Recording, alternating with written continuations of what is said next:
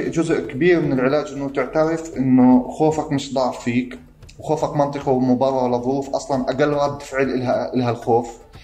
آه كمان نقطة آه إنه بنشجع الناس بينهم وبين بعض يحكوا. آه صح إحنا زي ما بيقولوا دائما الفلسطيني هيك عنده عزة نفس راسه مرفوعة إنه أنا ما أنا ما انضربتش أنا ما ما تأثرتش أنا مش عارف إيش صح هذا الكلام صح. بس برضه بيننا وبين بعض بدنا نحكي يا جماعة الخير لا إحنا الإشي مكلف كتير على نفسياتنا. المظهر اللي بنظهر فيه قدام العالم هذا اللي بشوفنا فيه صراحة كلفنا كتير يعني.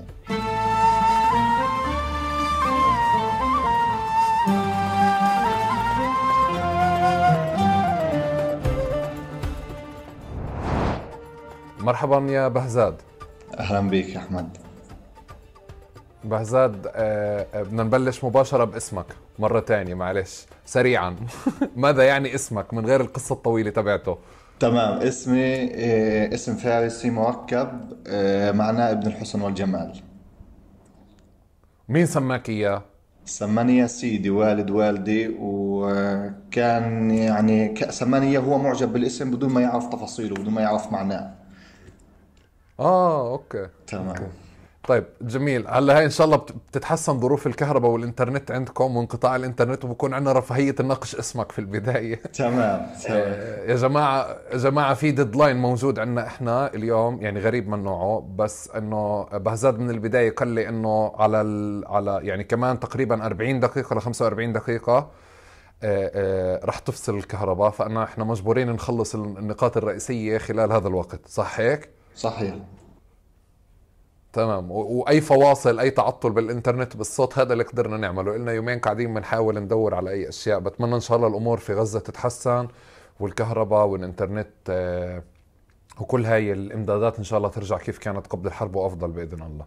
يعطيك ألف عافية. الله يعافيك. بهزاد أنت أنت كيف بتعرف حالك وكيف بتكره أو بتحبش الناس يعرفوك؟ طيب سريعا أنا بحب اعرف حالي يعني بهزاد الأخرس طبيب من غزة وحصلت درجة الماجستير في child mental health من King's College London حاليا شغال كطبيب في مجال ال mental health مع Gaza Community Mental Health Program أو برنامج غزة للصحة النفسية. صراحة يعني ما عمريش فكرت كيف الناس بتحبش تعرف عني بس يمكن مرات المبالغة في التعريف هذه شغلة والخطأ في لفظ الاسم. هذه شغلة ثانية أنا لفظته صح ولا لا؟ لا صح 100% بس مرات يعني في ناس بتشوهوا كيف بيحكوا؟ والله بهرزات بهزار يعني وشغلات ثانية شو بيطلع معهم؟ إيش بيطلع معهم؟ صح أنا بعذرهم يعني بس بحبش الشغلة هذه. طيب أنا قصة الاسم هاي بقدرش أساعدك فيها لأنه اسمك غريب بدك تتحمله بدك تقضي عمرك وأنت قاعد تفسر معناه وتدرب الناس على لفظه بس قضية أظن المبالغة بالتعريف يمكن هذه الشيء بتعلق كمان بدك تعيش معه بفلسطين لحد ما الناس تستوعب يعني مجال شغلك أكثر وتتعامل معه بشكل يعني بحجمه. هيك يعني بهذا المعنى أظن. صح صح. يعني أنا برضه صح. بعض الناس يعني بشوف نتيجة شح الفرص اللي موجودة وانه أنت مثلا بتكون مخلص هانا وعامل هانا ومعك درجة من هان فإنه بيعتبر يمكن يعتبر إنه شيء بديش أقول خارق بس يعني شيء زيادة على عن اللي حواليك لكن واقعا هو مش زيادة يعني, يعني هذه وجهة نظري.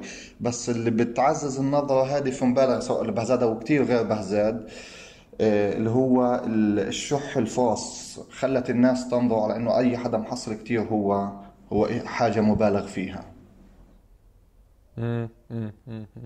طيب بهزاد بدي أنطلق اليوم من من وين أنت شغال؟ يعني المكتبك حاليا أنت اللي استعرته عشان نعمل اللقاء هذا.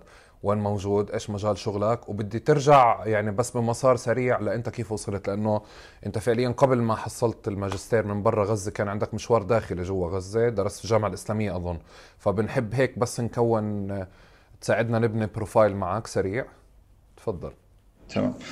آه، أنا حاليا شغال زي ما حكيت لك في برنامج غزة للصحة النفسية. آه، وهو من المؤسسات الرائدة في قطاع غزة الغير حكومية اللي, اللي بتشتغل في مجال الصحة النفسية وبتقدم خدمات لل, لل, لل, للمرضى النفسيين نحكي أو الناس اللي عندهم صعوبات في الصحة النفسية. وكمان عندهم في جانب حقوقي معهم بيشتغلوا. اشتغلت هنا بعد ما خلصت دراسة ماجستير في بريطانيا حكيت في لندن بعد ما رجعت آه، عملت ماجستير في الصحة النفسية للطفل. قبل هيك في 2016 أنا تخرجت من كلية الطب من الجامعة الإسلامية في غزة آه، وكنت بدأت الدراسة سنوات. هي كنت بدأت في في 2010 يمكن الناس كانت يعني حد أول سنوات الدراسة بتتفاجأ إنه في كليات طب في في غزة. إنه مثلا انت تدرس طب وفي عندنا في طب في غزة. لكن الآن النظر بعد على الأعداد الكبيرة اللي تخرجت من من كلية الطب في الجامعة الإسلامية وجامعه الأزهر النظر هذه بدأت كثير يعني تقريبا تقريبا وجهة نظر انها انتهت. آه، قليل من الأطباء بروح هذا التوجه في غزة إنه يروح تدرس في مجال المنتل هيلث أو الصحة النفسية وتكمل فيها. الحاصل إنه في هذه المؤسسة بتعطي برنامج الدبلوم العالي في الصحة النفسية. فأنا سجلت في في البرنامج هو بالشراكة مع الجامعة الإسلامية ودرست تقريبا سنة ونص. وبعد هيك قدمت على منحة تشيفنينج على بريطانيا وطلعت لي المنحة ودرست آه، في بريطانيا. آه، كهرب مش كهرب. كمل كمل كمل ما فيش مشكلة كمل. آه وهي ال recorder شغال يعني. كملت ال recorder آه. آه كنت بحكي قبل هيك إنه إنه قليل من الأطباء اللي بروحوا بدرسوا ال mental health بعد ما يخلصوا الست سنوات لأنه الطب شوية مختلف عن باقي التخصصات. أنت ما بتعمل بس في ماجستير ودكتوراه أنت بتعمل شيء اسمه training job أو تخصص بكون مدته من ثلاث إلى ست سنوات حسب التخصص اللي بتروحه.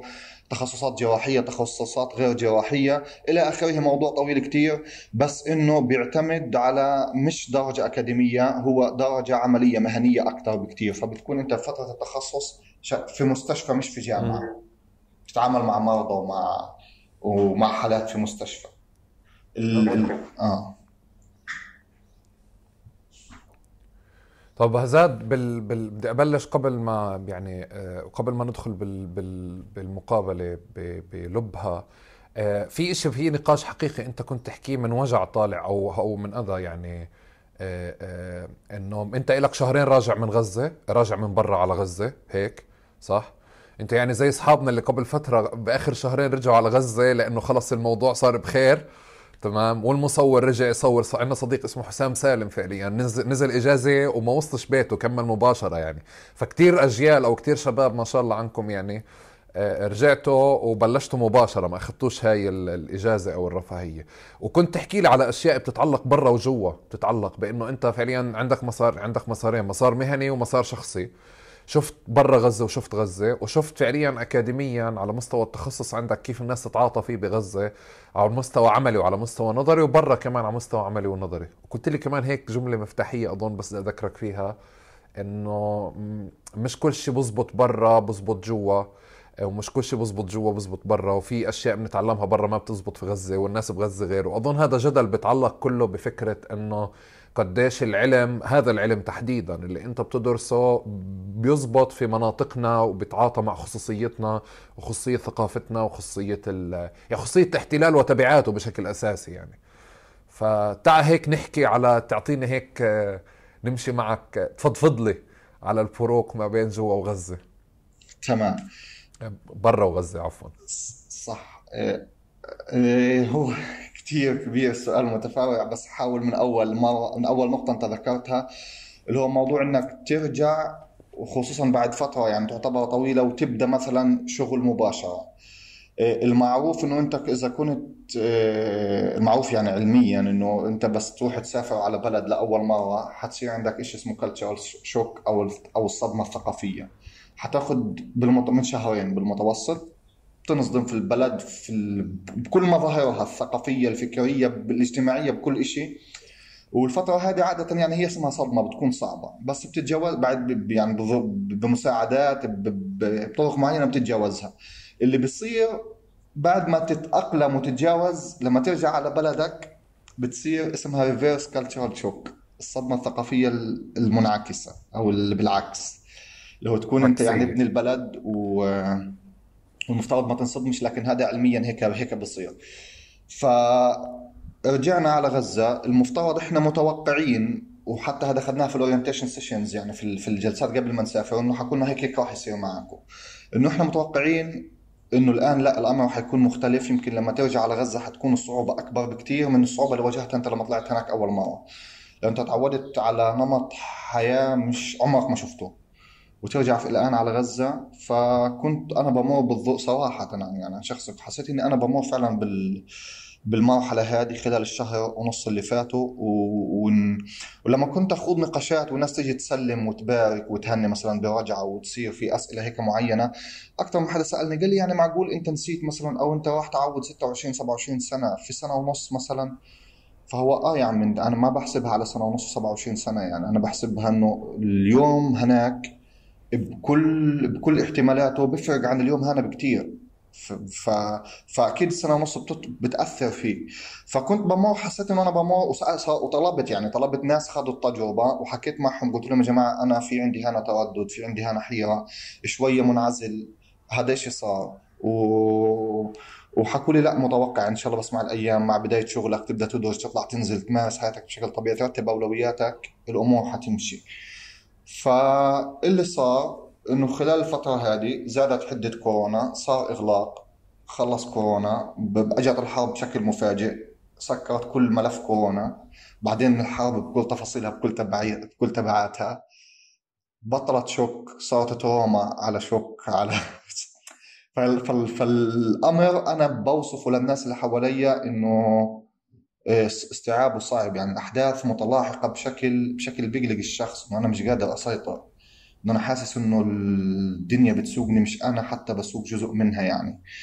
وهذا شيء شيء شيء نفسيا متعب. يعني اللي رجعوا من دفعتنا آه، سبعة أو ستة حكيت مع أربعة خمسة كنا عندنا المشاعر المشتركة. حكيت مع ناس خارج البرنامج المنحة اللي كانوا معنا رجعوا وشاركوا نفس الأشياء. أه بتوقعش من الناس تفهم الكلام اللي أنا بحكي لهم ما خضوش التجربة بس أنا متأكد إنها حقيقية لأنه مشتركة بين معظم الناس اللي خاضوا التجربة. الآن جزئية اللي اللي مختلف بين برا وجوا الشغلات اللي تطبق برا ولا تطبق جوا في مجال ال mental health وال psychiatry بالذات هذا شيء معروف هذا شيء evidence يعني مبني على العلم بالأدلة إنه التخصص الطب النفسي أو ال psychiatry هو اسمه ال social medicine يعني الطب الاجتماعي الطب اللي انت انت بتواجه فيه اضطرابات عاطفية اضطرابات بتتعلق بالمزاج اضطرابات بتتعلق بالأفكار اضطرابات شخصية هذه كل كل نوع من الاضطراب له تبعاته على على شغلك على أسرتك على على الوسط المحيط فيك. فهو اجتماعيا متداخل بشكل كبير جدا يعني. يعني حتى الظروف الاجتماعية في بعض وجهات النظر القوية هي اللي تؤدي إلى مثلا الاضطراب النفسي مثلا. فهو اسمه إيش؟ ال social medicine لأن كيف بيختلف عن برا وجوا؟ إنه الوسائل سواء وسائل التشخيص أو العلاج المطبقة في في في دول الغرب بالذات نقول في بريطانيا وفي أمريكا وفي كندا آه، آه، لا تعني بالضرورة تماما إنه تثبت نفس فعاليتها وكفاءتها لما تطبق في مجتمعات الشرق الأوسط أو المجتمعات الشرقية. وهذا الإشي اللي هو اسمه ال cultural difference دائما اللي هو من من آه، أقوى أسباب النقد لكل آه، وسيلة تقييم آه، بنستخدمها في شغلنا. يعني مثلا إحنا بنقيم التوحد بناء على معيار معين بنقيم حدة الاكتئاب بناء على معيار معين بنقيم الخوف الفوبيا المختلفة بناء على على tools معينة. آه، ال tools هذه للأسف معظمها طورت في البلاد هذيك وطورت بشكل يناسب الثقافة والمجتمع تبعهم صح هو علم لكنه بشكل يناسب الثقافة والمجتمع. الآن إحنا لما بندرس بندرس ال DSM اللي هو المرجع للإحصاء للاضطرابات النفسية اللي, اللي أصلا يؤسس وينشر في أمريكا أو ال ICD 10 اللي يؤسس وينشر في بريطانيا. آه، لكن هل كل شيء فيه فعليا يطبق على مجتمعنا. أنا زي ما درست وزي ما شفت وزي من الدكاترة اللي أكبر مني واللي حواليا إنه لا. إنه بتضل الخصوصية الثقافية والمجتمعية في بلادنا آه، عائق كبير وعائق كبير قدام تطبيق هذا لكنها ممكن تكون مزايا في بعض الأوقات. آه، النقطة الثانية إنه في سعي خلال آخر السنوات إنه نعمل بسموها ريشيبنج يعني يعني هذه الأدوات نعيد صياغتها بشكل يناسب مجتمعاتنا. آه، خصوصا فيما يتعلق في في الاكتئاب لأنه من أشهر الاضطرابات النفسية. و وفي مصر يعني في مصر والأردن في دكاترة نجحوا إنه إنه بالشيء هذا يعني إنه يربط الأسسمنت أو العلاج بالظروف الاجتماعية والثقافية المحيطة. okay. عظيم. أنا أنا بدي أحكي لك شغلة كنت وأنا بحضر للحلقة قاعد عم يعني قاعد بسأل ففي يعني صديقة مهتمة في في في المجال هذا فأنا جربت أقولها إنه الإشي كتير حساس الحلقة رح تكون كتير حساسة. وضيفي واعي للقصة هاي. يعني يعني أنا كيف فهمت ال profile تبعك لما كنت بسأل عنك؟ بس كنت بجرب بقولها إنه يعني تعالي ساعديني بس وين وين الألغام اللي أنا مش لازم أدخل فيها؟ يعني على أساس المشاهد فعليا ما تكون الحلقة أثرها سلبي عليه. طبعا أنا مبسوط جدا ب... ب... باللي أنت قلته حاليا لأنك أجبت على يعني تخوفاتها كانت بتقول لي ما أعمل الحلقة نهائيا. آه، ولازم الحلقة هاي متخصصين يخوضوها ويناقشوا فيها وأنا كنت بحاول اقولها يعني بامكاننا تجنبها فأنا من البداية أنت وفرت علي كل شيء. آه، بدي بدي أنتقل معك شكرا على المقدمة. هنا بفكر هاي أهم شيء وهي ريحتني يعني هلأ. آه، بدي أنتقل للمحل للمحل بهزاد اللي بيتعلق بكورونا. يعني أول شيء بدي رح نحكي على الحرب بس اللي هو يعني كمان أنت عندك في تجربة شخصية كمان غير غير قضية إنك ممكن تساعدنا بتشخيص تبعاتها. آه، آه، ورح نحكي بس أكثر بدي أفهم بدي بدي آخذ عينة بس إنه من خلال سنة شو صار في غزة على مستوى الناس. يعني في تراكمات موجودة سابقا آه، وفي الفترة تبعت كورونا. أنا اللي فهمته إنه أنتم كنتوا عاملين برنامج ل, ل... لمتابعة كل كل يعني كل كورونا وكل تبعاتها وكيف قلت أنت إنه وقف البرنامج ودخلتوا في برنامج تاني واللي فهمته كمان إنه أنتم عاملين هلا برنامج ل يعني ل... لمتابعة الحرب وتبعاتها بالأكثر صح؟ صح آه، إحنا في إيه، إحنا أنا ما كنتش في في غزة وقت كورونا بس كنت مطلع على إيش وزارة الصحة بتعمل في في كورونا خصوصا في الشهر اللي أنا إجيت فيه يعني لحقت آخر الإجراءات اللي كانوا يعملوها إيه يعني لا يعني جوابي حيكون مختصر لأني ما عشتش كل تفاصيل خطة كورونا في غزة لكن آه، من الشهر مثلا اللي أنا أجيت فيه كانت الحكومة بتشتغل أو وزارة الصحة بتشتغل مع وزارة الداخلية إنه خصصوا مستشفى معين بكادر معين زودوا السعه في أسرة العناية المركزة. في البداية في أزمة الوباء كان عشان غزة أنت بتعرف في لها معبرين أساسيين للتنقل للأفراد. صار قيود كثير عليهم. الناس اللي بترجع بتنحجر في أماكن معينة عشان تمنع الاختلاط مع المجتمع. الأمور هذه يعني أنا كنت كنت متع... كنا كلنا متابعينها من وإحنا في بريطانيا لكن صراحة ما اشتغلنا فيها على أرض الواقع. اللي صار إنه بعد ما أنا رجعت بفترة زادت الأعداد فصار اتخاذ إجراءات جديدة. الإجراءات اللي أنا كنت بتذكرها اللي هي اللي صارت قبل الحرب إنه مثلا منع حركة التنقل ابتداء من الساعة 6 الصبح أو من الإفطار في رمضان مثلا للستة صباحا. آه، اغلاق المحلات إغلاق صالات الأفراح ممنوع إقامة دور العزاء. لأنه بس من باب ال social distancing وإنه تمنع اختلاط الناس باعداد كبيره آه، وهذه خطة كانت دائما بتطورها وبتتبعها وزارة الصحة. الآن لما أجت الحرب الحرب زي ما بتعرف الحرب حرب يعني. ما فيش فيها ما فيش فيها أي أي مجال للتهاون خصوصا من وزارة الصحة. آه، واللي صار المرة هذه كان بدأ عنيف بشكل سريع جدا. يعني أعداد شهداء كثير آه، إصابات كثير كثير عن المرات اللي فاتت. فالخطة يعني في مستشفيات كانت مخصصة لكورونا أو أقسام كانت مخصصة لكورونا. تم اتخاذ قرارات إنه ترجع تشتغل بالكا بال... بال... بالساعة تبعتها لاستقبال مثلا الجرحى إيه، أو إنها تكون جاهزة لاستقبال الجرحى فيما لو زاد أكثر تصعيد أكثر وأكثر ال ال أنت كنت تسيطر بأنك مثلا في منع تجول من الساعة مثلا من المغرب للصبح. لما صارت الحرب ناس كثير في المناطق الحدودية سابت بيوت. أعتقد كان رقم 46 ألف اسره 46 ألف شخص أو شخص اوصل مش مش مش مش مش متأكد بس كان 46 ألف نقول شخص. سابوا بيوتهم وقعدوا في مدارس اللي هو في مدارس تابعة للأونو ولا إنه هذا الشيء صار في 2014 الناس اللي شردت قعدت في بيوت في المدارس بما إنه هي للأونو المفترض إنها مدارس محصنة. فكل خطة كورونا الواحد بدوش يحكي إنه انهارت بس نقول وقفت وقفت تماما تأجلت لل 11 يوم هدول اللي صار فيهم التصعيد. في المدارس الأعداد هذه الكبيرة كلها في وجهها في وجه بعض. بإجراءات السلامه ما كانت بالشكل المطلوب فيه لمواجهة الوباء. القيود على الحركة في في الليل تقريبا شبه شبه انعدمت اللي هو الإغلاق الليلي مثلا. آه، زي ما حكيت لك المستشفيات اللي كانت مهيئة آه، إنها تستقبل وقف في هذه خطة استقبال كورونا استعدت للجرحى أكثر.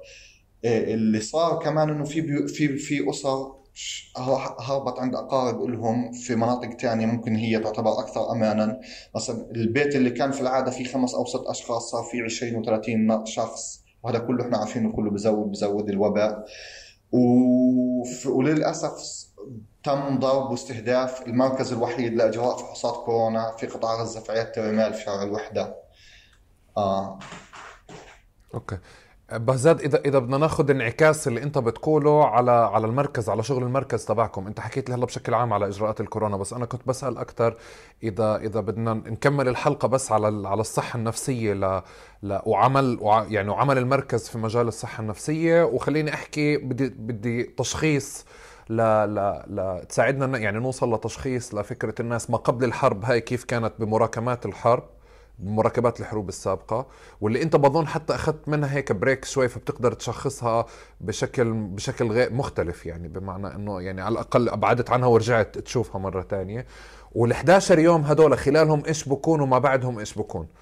آه آه وأنا وأنا بس بدي أنوه لشغله إنه هاي الحلقة مش بالض... يعني هي هي ليست ب... ب... بدرجة أولى هي حلقه حلقة علمية بقدر ما إنه في في جمل تقال يعني في أرقام تقال بقضية إنه 99% ولا 95% من مجتمع غزة مكتئب ويعاني من كذا ويعاني من كذا. وهذه الأرقام كل مرة بتتغير فعوامل قياسها بتكون متغيرة. وشيء ثاني إنه في عوامل الصمود اللي يعني فكرة إنه إحنا بنحكي على الصمود زي كأنه صار شيء مجاني. بمعنى أهل غزة أحسن ناس وأقوى ناس وأجدع ناس وبيطلعوا على الصاروخ بفجروا المريخ وبيعملوا كذا وهيك. بس قديش هذا الإشي مكلف على مستوى مادي بنقدر نشوفه بأشياء بس كمان على مستوى نفسي ساعدنا نحكي فيه. وأنا هيك يعني آه، آخر شيء راح أحكيه وراح أترك المايك لك هلأ ل بتحكي لنا ك... كبهزاد الطبيب وكبهزاد ابن غزة لحد ما يقطع الموتور. آه، شاء الله أقدر اهم كل النقاط اللي أنت حكيتها. الفكرة آه، أنا بتفق معك إنه أنت لما أخذت بوز أو أو وقفت وطلعت في بيئة ثانية صراحة هي فرصة كانت للدراسة وفي نفس الوقت فرصة إنه أنت توقف قدام حالك وتكتشف قديش آه، قديش أنت نقول مختلف عن اللي حواليك. لأنه يعني طالما انت في غزة وهذا الإشي كان لحد أنا ما سافرت انت اللي بيصيروا على الناس بيصيروا عليك واللي بيصيروا عليك بيصيروا على الناس. زي الناس مش حتقدر تلاحظ آه، تبعات الإشي اللي اللي بيصيروا عليك كمجتمع طالما إنك لسه بينهم. لما سافرنا وكنا إحنا دائما يعني حتى الفلسطينية كلنا group لكن تبعون غزة بشكل أكثر كنا group مع بعض. كنا دائما نحكي لبعض ب... ب... على اختلاف جامعاتنا على اختلاف المدن اللي كنا فيها إنه يا جماعة الخير إيه لا في في مشكلة كبيرة. إحنا مش إحنا مختلفين عن اللي حوالينا. نظرتنا للأمور مختلفة. إيه اكتشفنا قديش العبء اللي كنا عايشين فيه قديش هو فعلا عبء نفسي كبير. هذا مش يعني برضه عشان الناس تفهم. مش كلام استسلامي أو كلام انهزامي أو قد ما هو بوضح إنه الإشي اللي قاعد بصير عليك هو له تبعات مش حتلاحظها إلا إذا أتيحت لك الفرصة في ظروف مستقرة إنك تلاحظها. ف... فمن ضمن القصص اللي بذكرها يعني تأكد النظرة هذه كان في معنا طبيب برضه هناك في بريطانيا طبيب وهو من غزة. و... وكان ماشي هو وأخوه مرة في أخوه برضه في, في أوروبا ومعهم إيه، مهنية أجنبية. فهم إحنا بنتفرج على الرافعات هذه الكبيرة رافعات أول مرة مثلا كنا نشوف اللي هي الرافعات بالحجم هذا. فهو بتطلع فبقول عندها وقعت. اللي هي ممكن تكون لها لها ست شهور أو لها سنة بتبني في البرج ولا في ال... أو ناطحة الساعة فبقول عندها وقعت. مرة على مرة. آخر حاجة هي مثلا نشوف شغلة زي هيك عندها نهار كذا. فهي حكت لهم الكلمة هذه بتقول لهم غازا منتاليتي عقلية غزة. ف... فأنا في الصف اللي كنت فيه ما فيش حدا بيحكي بال... بالجانب اللي هو الانهيار الشغلات عنده وقع عنده انقصف عنده ضرب. زي زي ما بيحكوا فيه تبعون غزة. فاحنا إحنا حسينا وبعضنا وجزء كبير منا حكى إنه لا بدنا علاج. صراحة أحكي لك إياها. وإحنا هناك. قلنا بدنا علاج. آه، بدنا علاج للكلاكيع هذه اللي جواتنا اللي, اللي أثر فيها الحصار الطويل والحروب المستمرة. لأنه الكلام اللي بحكيه الآن هو الجزء الخطة بنشتغل عليها في العيادة حاليا. لأنه إحنا بنعدي التجارب اللي بتمر فيها غزة بنعدي تجربة ورا تجربه ورا تجربه متراكمة آه، بدون بدون ما نعطي لأنفسنا المجال إنه نعترف بمشاعرنا بلحظات ضعفنا بمخاوفنا بتطلعاتنا خلال كل حرب.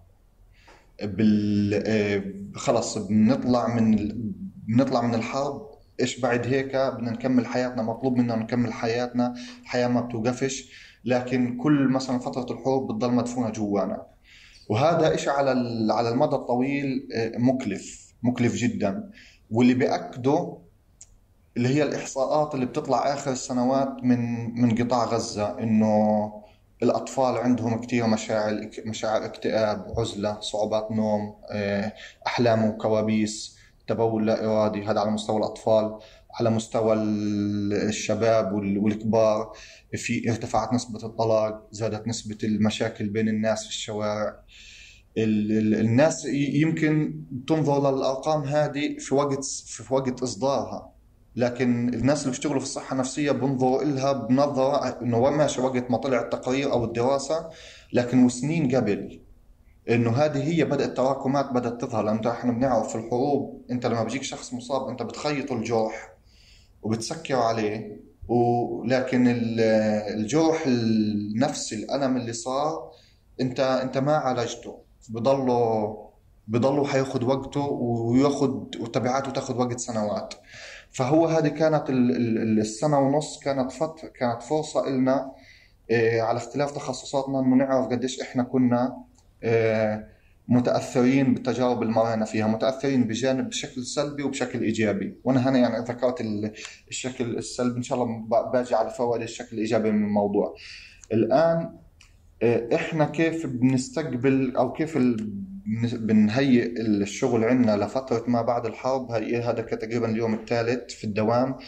آه، بنتناقش الصبح في ساعة ونص ساعتين. بنحط خطط على إنه الناس بدأت تيجي آه، يا أما بانتكاسات يا أما حالات جديدة لأول مرة تيجي بأثر الصدمة اللي هي اللي مروا فيها وعاشوها وبنتوقع كمان تزيد خلال الشهور اللي فاتت لأنه اضطراب ما بعد الصدمة بده بده ست شهور مثلا لما يبدأ يظهر. فالكلام اللي بنحكيه إنه إحنا برضه ما بدنا نحكي بس زي الناس في الشارع يعني بالنهاية إحنا مهنيين إنه آه فتره معلش فترة بتعدي و...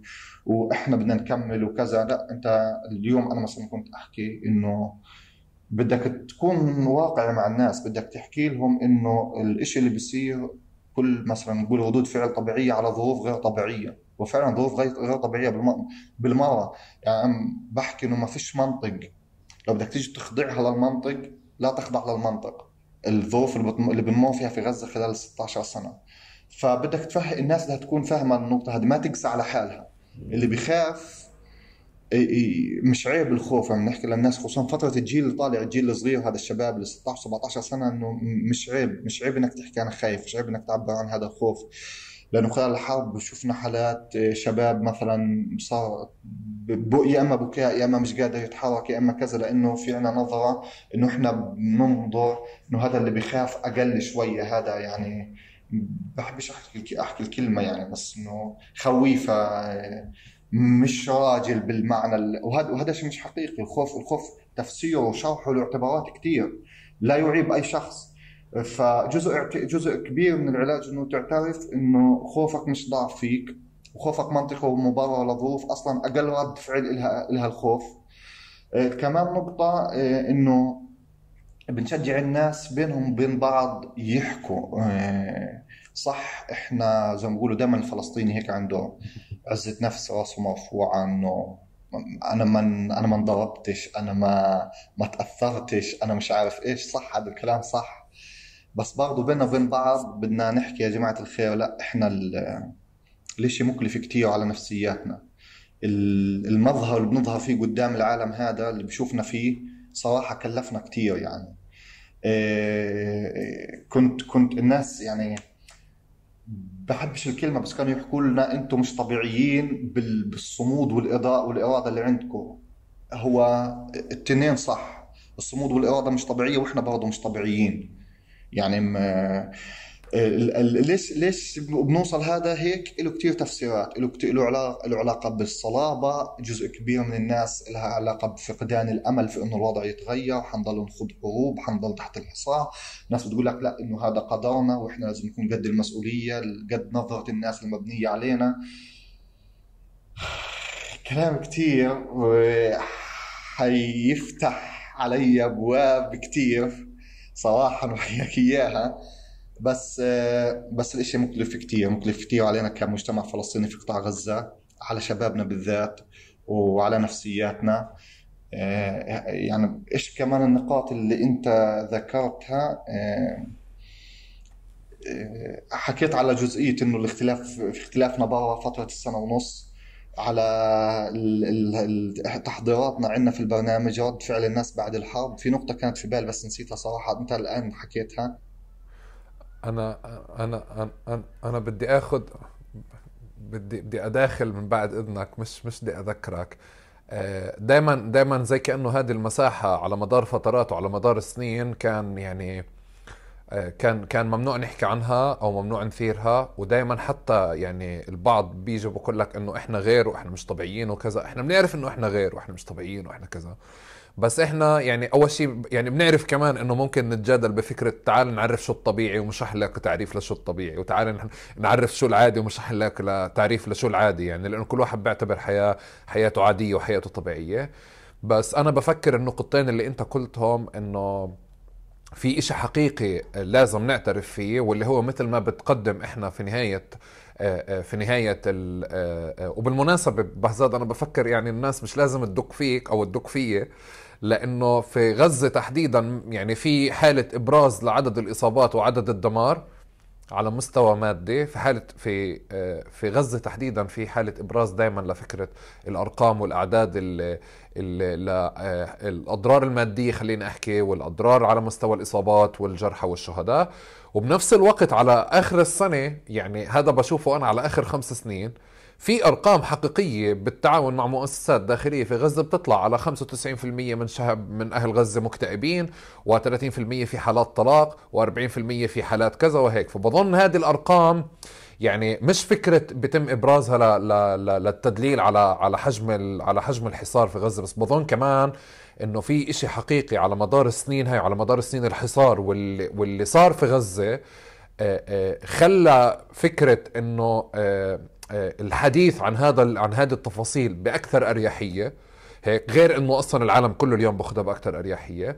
والنقطة الثانية إنه أنا بظن إنه يعني حتى على مستوى شغلكم في المركز اليوم في حالة استجابة وفي أريحية لأنه أعداد أكبر من الناس بت يعني أو قل تردد الناس في إنها تزور وتشارك وتشارك مشكلتها وتشارك قصتها. وما يكونش عندها مشكلة إنه تنشاف وهي طالعة.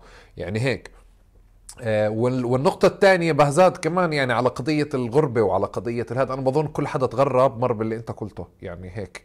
هاي شغلة. يعني هي أنت قاعد بتحكي على حالتي. أنا بالعادة بس بقول ثلاثة شهور مش شهرين.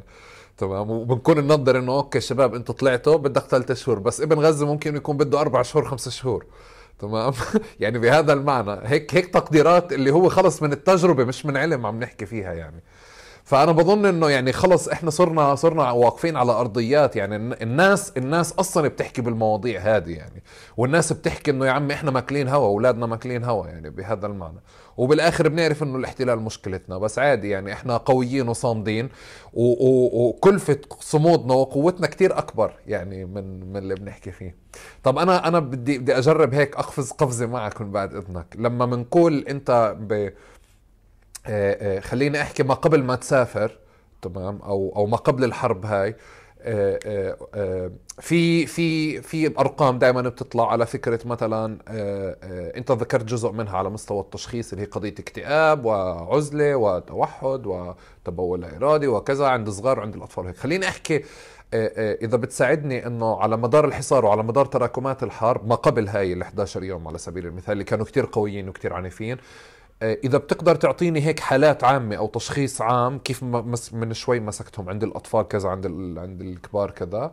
وبعدين بندخل على خلال ال 11 يوم بالضبط شو بصير مع الناس أو شو بصير عند الناس أكثر آه، هو قبل قبل ارقام أحكي في شغلة إنه إيه معروف. غير أرقام هي ما يعني ما, ما في أرقام دقيقة هلا متأكد أنا بس إذا مجرد تعداد للحالات يعني للتشخيص. تمام. هو في في شيء في في غزة معروف. هذا لا يمكن انكاره إنه الصدمات خصوصا اللي بتصير خلال الحروب هي لها دور سبب قوي ومباشر في كل المظاهر اللي إحنا بنشوفها في قطاع غزة سواء كانت مظاهر اجتماعية أو اضطرابات نفسية على مستوى الأفراد. تمام؟ هذا نكون متفقين عليها. يضاف إلها هذا في خلال التصعيدات الحادة بنقول وقت الحروب يضاف إلها سنوات طويلة من الحصار البطالة الفقر الكهرباء إلى آخره. يضاف هذه هذه بتزودها بنقول بنسميها aggravating factors.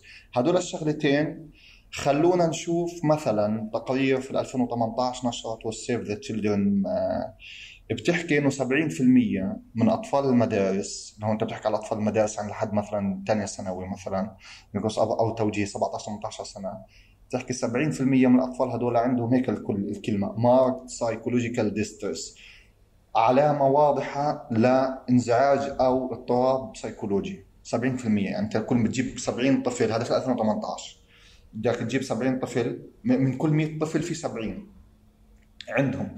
وهدول يعني فنطوهم إنه ممكن تكون زي ما حكينا اكتئاب اضطرابات نوم آه، ميل للوحدة ميل للعزلة هدول عند عند الأطفال اللي هم من أكثر الفئات اللي عرضة إنهم يطوروا اضطرابات نفسية لأنه الصلابة والمناعة النفسية تبعتهم ونظرتهم للأمور مش مكتملة ومتطورة زي الشخص البالغ.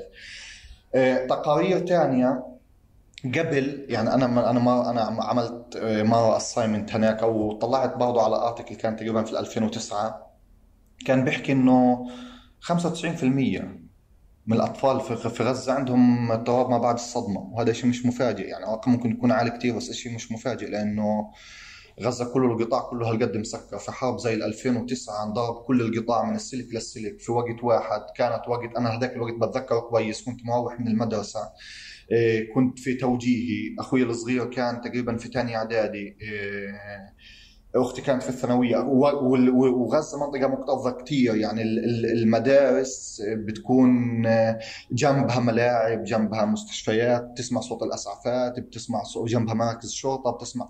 فكل يعني الضربه في كل مكان بتأثر على كل الناس في المحيط. ما فيش واحد تقول لي هذا مستهدف في منطقة بعيدة لحاله. فالطبيعة الجغرافية لقطاع غزة بتعكس هذه الأرقام بتخليها فعلا واقعية. يعني كانت هذه إنه إنه ممكن شخص في بريطانيا أو في تركيا أو يقول لي معقول 95% أقول له أقول له آه ما يعني أقل شيء لأنه الضربه بتضرب كل الناس. ف... ف... فإشي مش سر. لأن على مستوى الكبار والحالات اللي إحنا بنشوفها يعني أنا في اليوم في المتوسط من يوم ما أجيت في المتوسط بشوف يعني من بشوف 20 حالة 20 25 حالة. تقريبا 15 منهم بياخذوا اللي هي الأدوية المضادة للاكتئاب تقريبا. 15 منهم من قبل هدول كانوا بادئين قبل ما أنا آجي. 15 منهم أدوية مضاده للاكتئاب. باقي الحالات بتكون يا إما أطفال يا إما بياخذوا أدوية ذهنية أو اضطرابات نفسية ثانية. بس إنه رقم كبير أنت بتحكي على 15 من 20 3 4 مثلا 75% 75% هي اجى لحاله رقم نفس رقم قريب من الرقم اللي عملته سيف ذا تشيلدرن في 2018 ف فللاسف هي هيك. يعني يعني هذا واقع إحنا إحنا بنعيشه. إيه، الناس الآن بدأت تتجاوب معه وتفهمه. قبل ما كانت عندنا الفهم الكافي لهذه الأرقام وللتبعات النفسية للشيء اللي إحنا بنمر فيه. معذورين في هذه النقطة لأنه انت في مكان صنع القرار دائما بسميه إحنا تفكير الأزمة. بدك تحل الأزمات الآنية والعاجلة. فبتيجي أنت وزير قدامك مثلا مشكلة آه، جيت وزير في حرب. عندك عشرات آلاف الإصابات أو الجروح إصابات حروب.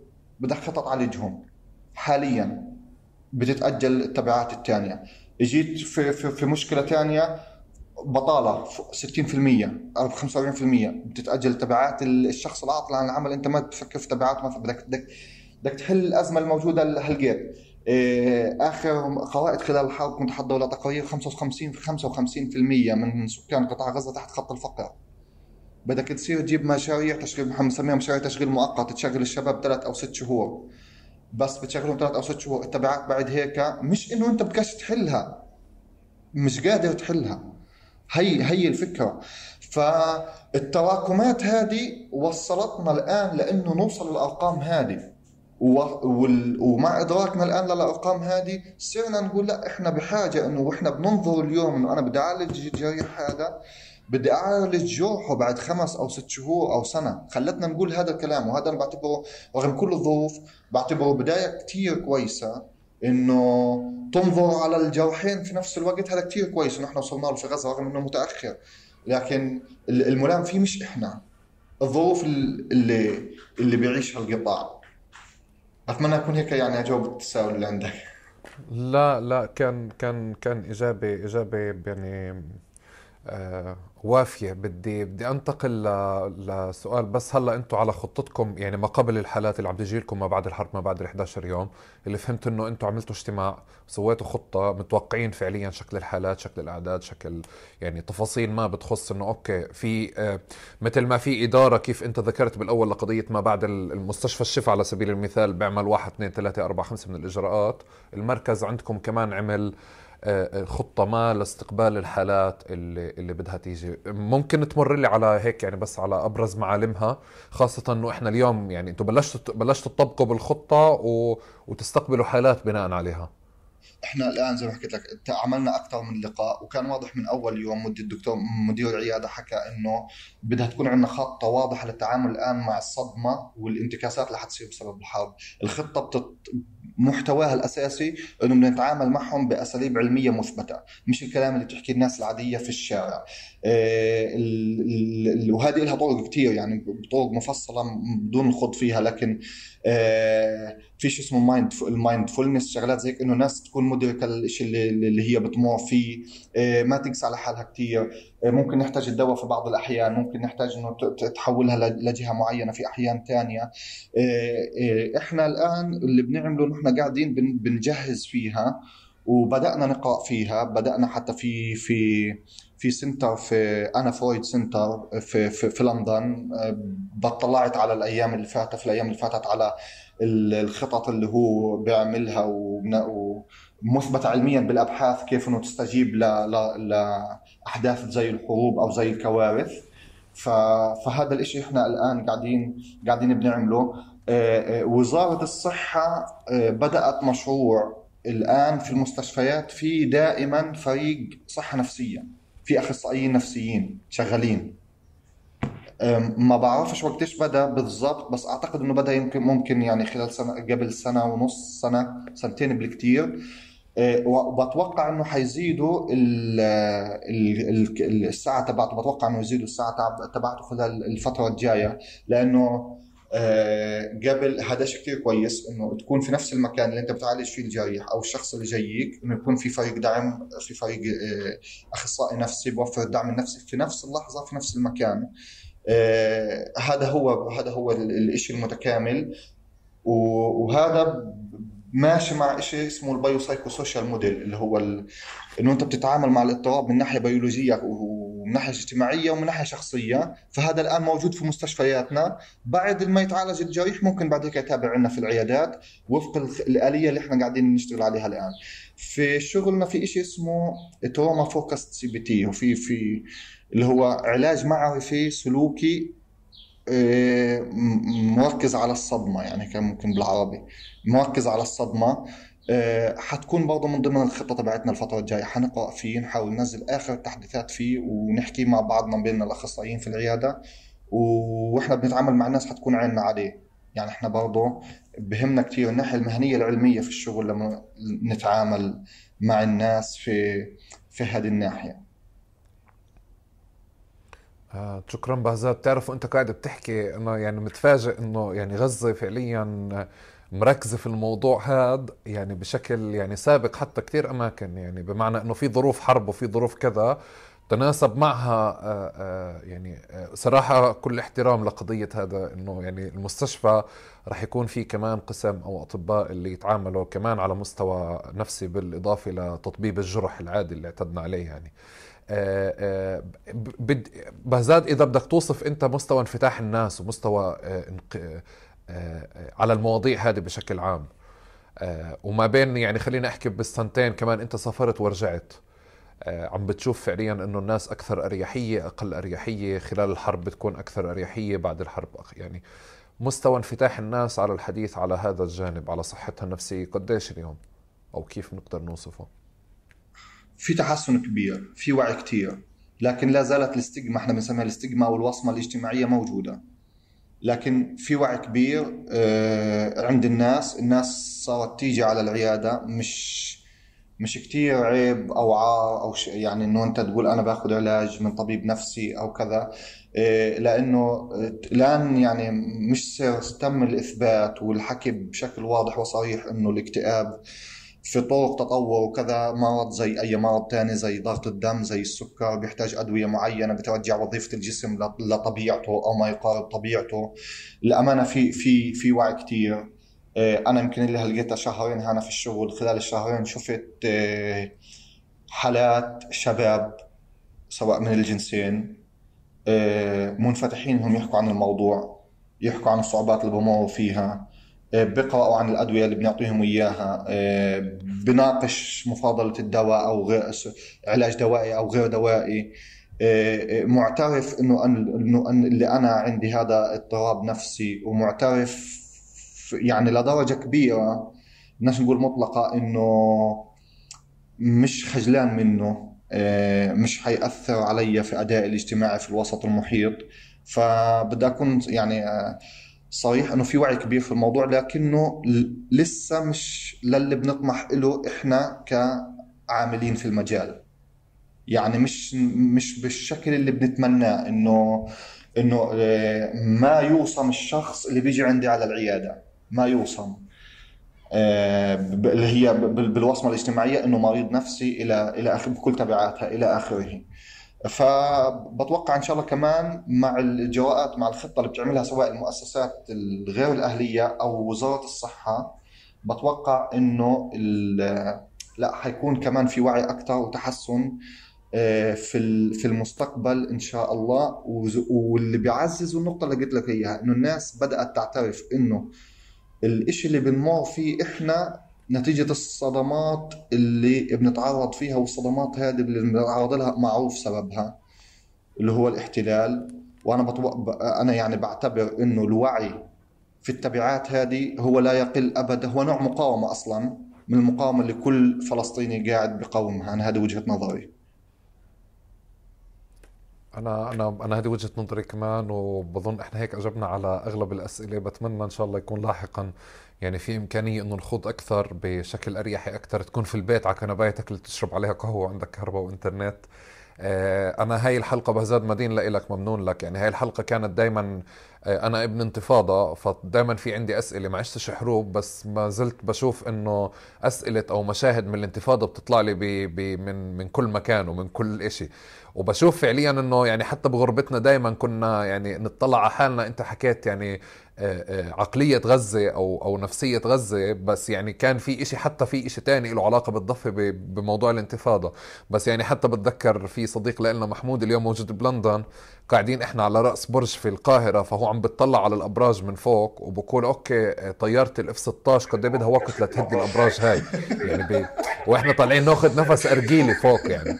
هلأ هذا بتاخذ نكتة وعادي وكذا وهيك يعني تمام بال يعني بال easy بسلاسة. بس هو فعليا له وقع كتير كبير بكتير أماكن وبنشوفه يعني على مستوى أشياء. حتى واصلين لقناعة بنحب نطمنك يعني انه إنه اليوم الأريحية بالأحاديث هاي إنه واصلين لقناعة إنه okay يعني الشعب الفلسطيني يعني في مجموعة من الأشياء اللي يمكن محتاج الشاب ياخذ فلسطينيه أو الفلسطيني تاخذ فلسطيني عشان يعرفوا يتعاطوا مع بعض. إنه آه هذا هذا يعني يعني مش عي مش تعبان. مش انه إنه فاهم لي وبيعرفوا يتعاملوا مع نفس التفاصيل بنفس الشكل. مش مش راح تقول للصبية إنه لا أنت محتاج تروح على طبيب لأنه محتاج تاخذ كيس دواء معك وتاخذه كل صبح ومساء. إنه خلص يعني يعني عم نجرب يعني نتعاطى مع الحياة يعني آه، آه، ونتجاوز نتجاوز كل شيء فيها.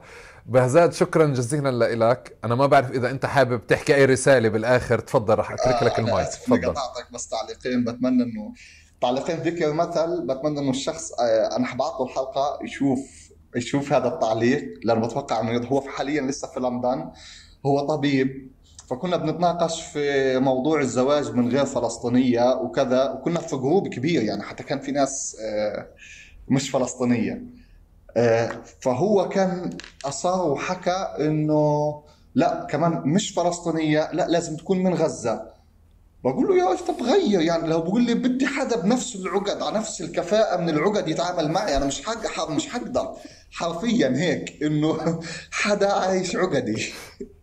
هذه شغلة. الشغلة الثانية اللي هي ممكن آخر نقطة بدي أحكيها إنه أكيد أنت عشتها.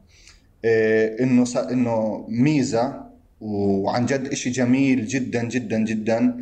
في الغربة إيه بتميز وجه أنا شفت كثير بس بتميز الفلسطيني عن أي حدا تاني.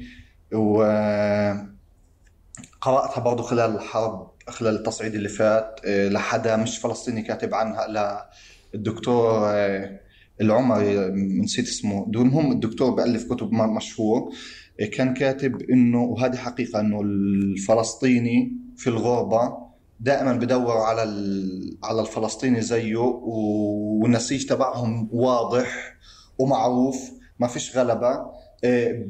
بيقدروا إنه يبسطوا حالهم. عن جد عن جد ينبسطوا مع بعض في, في, أي دولة كانوا فيها. إيه، بتحس فعلا فعلا إنه أنت مسنود لك ظهر لك مجموعة تحيط فيك وبتحتضنك هذا الكلام أكد لي أنا كان معي في في, في الكورس تبعي إيه، كان معي 18 جنسية. أنا كنت العربي الوحيد. أكدوا لي كلهم.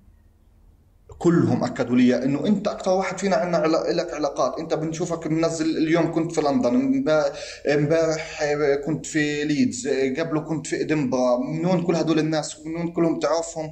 كذا إنه الف... إحنا دائما بندور على بعض. إيه، بتحس عن جد عن جد بونس. وهذا هذا من أحلى الأشياء اللي ممكن يعيشها الفلسطيني في في الغربة. ممكن كثير لها تفسيرات أنا بديش افسرها هيك بس هو هذه برضه يعني للناس اللي بتسمع آه، في أمل فينا إن شاء الله ها سواء هنا ولا برا بإذن الله رب العالمين. لا وسواء جوا ولا برا خلال الحرب في في أشياء وخلال وخلال السلم في أشياء. يعني اللي أنت قلته بنطلع عليه إحنا بالعادة بكونوا يطلعوا عليه العرب إنه أنتم الفلسطينيين كيف تلتموا على بعض؟ كيف كيف يعني بتصيروا جروب كبير؟ كيف أنت بتعرف كل هدول؟ وبتعرف مثلا ممكن تروح على جنسية ما تكون فيهم مختار. ليه؟ لأنه هذا الشخص اللي بيعرف كثير ناس. بس عند الفلسطيني في كثير مخاتير وفيش ولا مختار معترف فيه. وبنفس الوقت تعرف كمان شغلة يعني هلا خطرت لي مش عارف بدي أشاركك فيها وأنهي فيها. إنه حتى وإحنا في غربتنا إحنا يعني أحيانا كثير أنا بشعر إنه مضطر الواحد يفسر إنه أنا مش كثير مش كثير بمعزل عن الظروف اللي بتصير فيها البلد. يعني آه أنا موجود بتركيا بال11 يوم هدول. آه، لما أنت بدك تنزل على الشارع ما بعد إنه غزة وفلسطين كلها براسك واللغة موجودة في في في كل مكان بحياتك تنزل تلاقي الناس بتحكي تركي تستغرب. إنه إنه يعني ليه يعني إنه انت انت في 11 يوم فعليا على مستوى ذهني وعلى مستوى نفسي وعلى مستوى وعي انت بالكامل بمكان تاني. أنا موجود ممكن عم بتفرج على بحر وقاعد باكل أحسن أكل وظروفي فعليا المادية والمحيط تبعي كتير أفضل من من غزة ولا من طول كرم ولا من القدس. بس أنا على مستوى يعني آه، نفسي بفكر كنا حتى هيك قاعدين وبنقول إنه لو إني بغزة أو لو إني بطول كرم كان أنا في الحرب قاعد على باب الدار وحط الأرجيلة تبعتي. تمام؟ وماسك التلفون بنكت إحنا والشباب بس برا الارجيله والراس وكل شيء بنعمل قدام التلفزيون. لأنه أنت محتاج تضلك متابع الحدث بشكل كتير يعني يعني بشكل كتير غير عادي يعني. بازاد شكرا جزيلا لك يعني إحنا رح نرجع نلتقي مرة تانية في تقارب في البرنامج هذا بحلقة مختلفة. وإن شاء الله الظروف بتكون أفضل والكهرباء أفضل. وبدي ألحق حالي أنا أنهي الحلقة قبل ما آه، قبل ما يفصل الموتور. وبعد ما نعرفش ننهيها. شكرا لك ويعطيك ألف عافية. شكرا, شكرا بهزاد. تحياتي. فرصة سعيدة. تحياتي.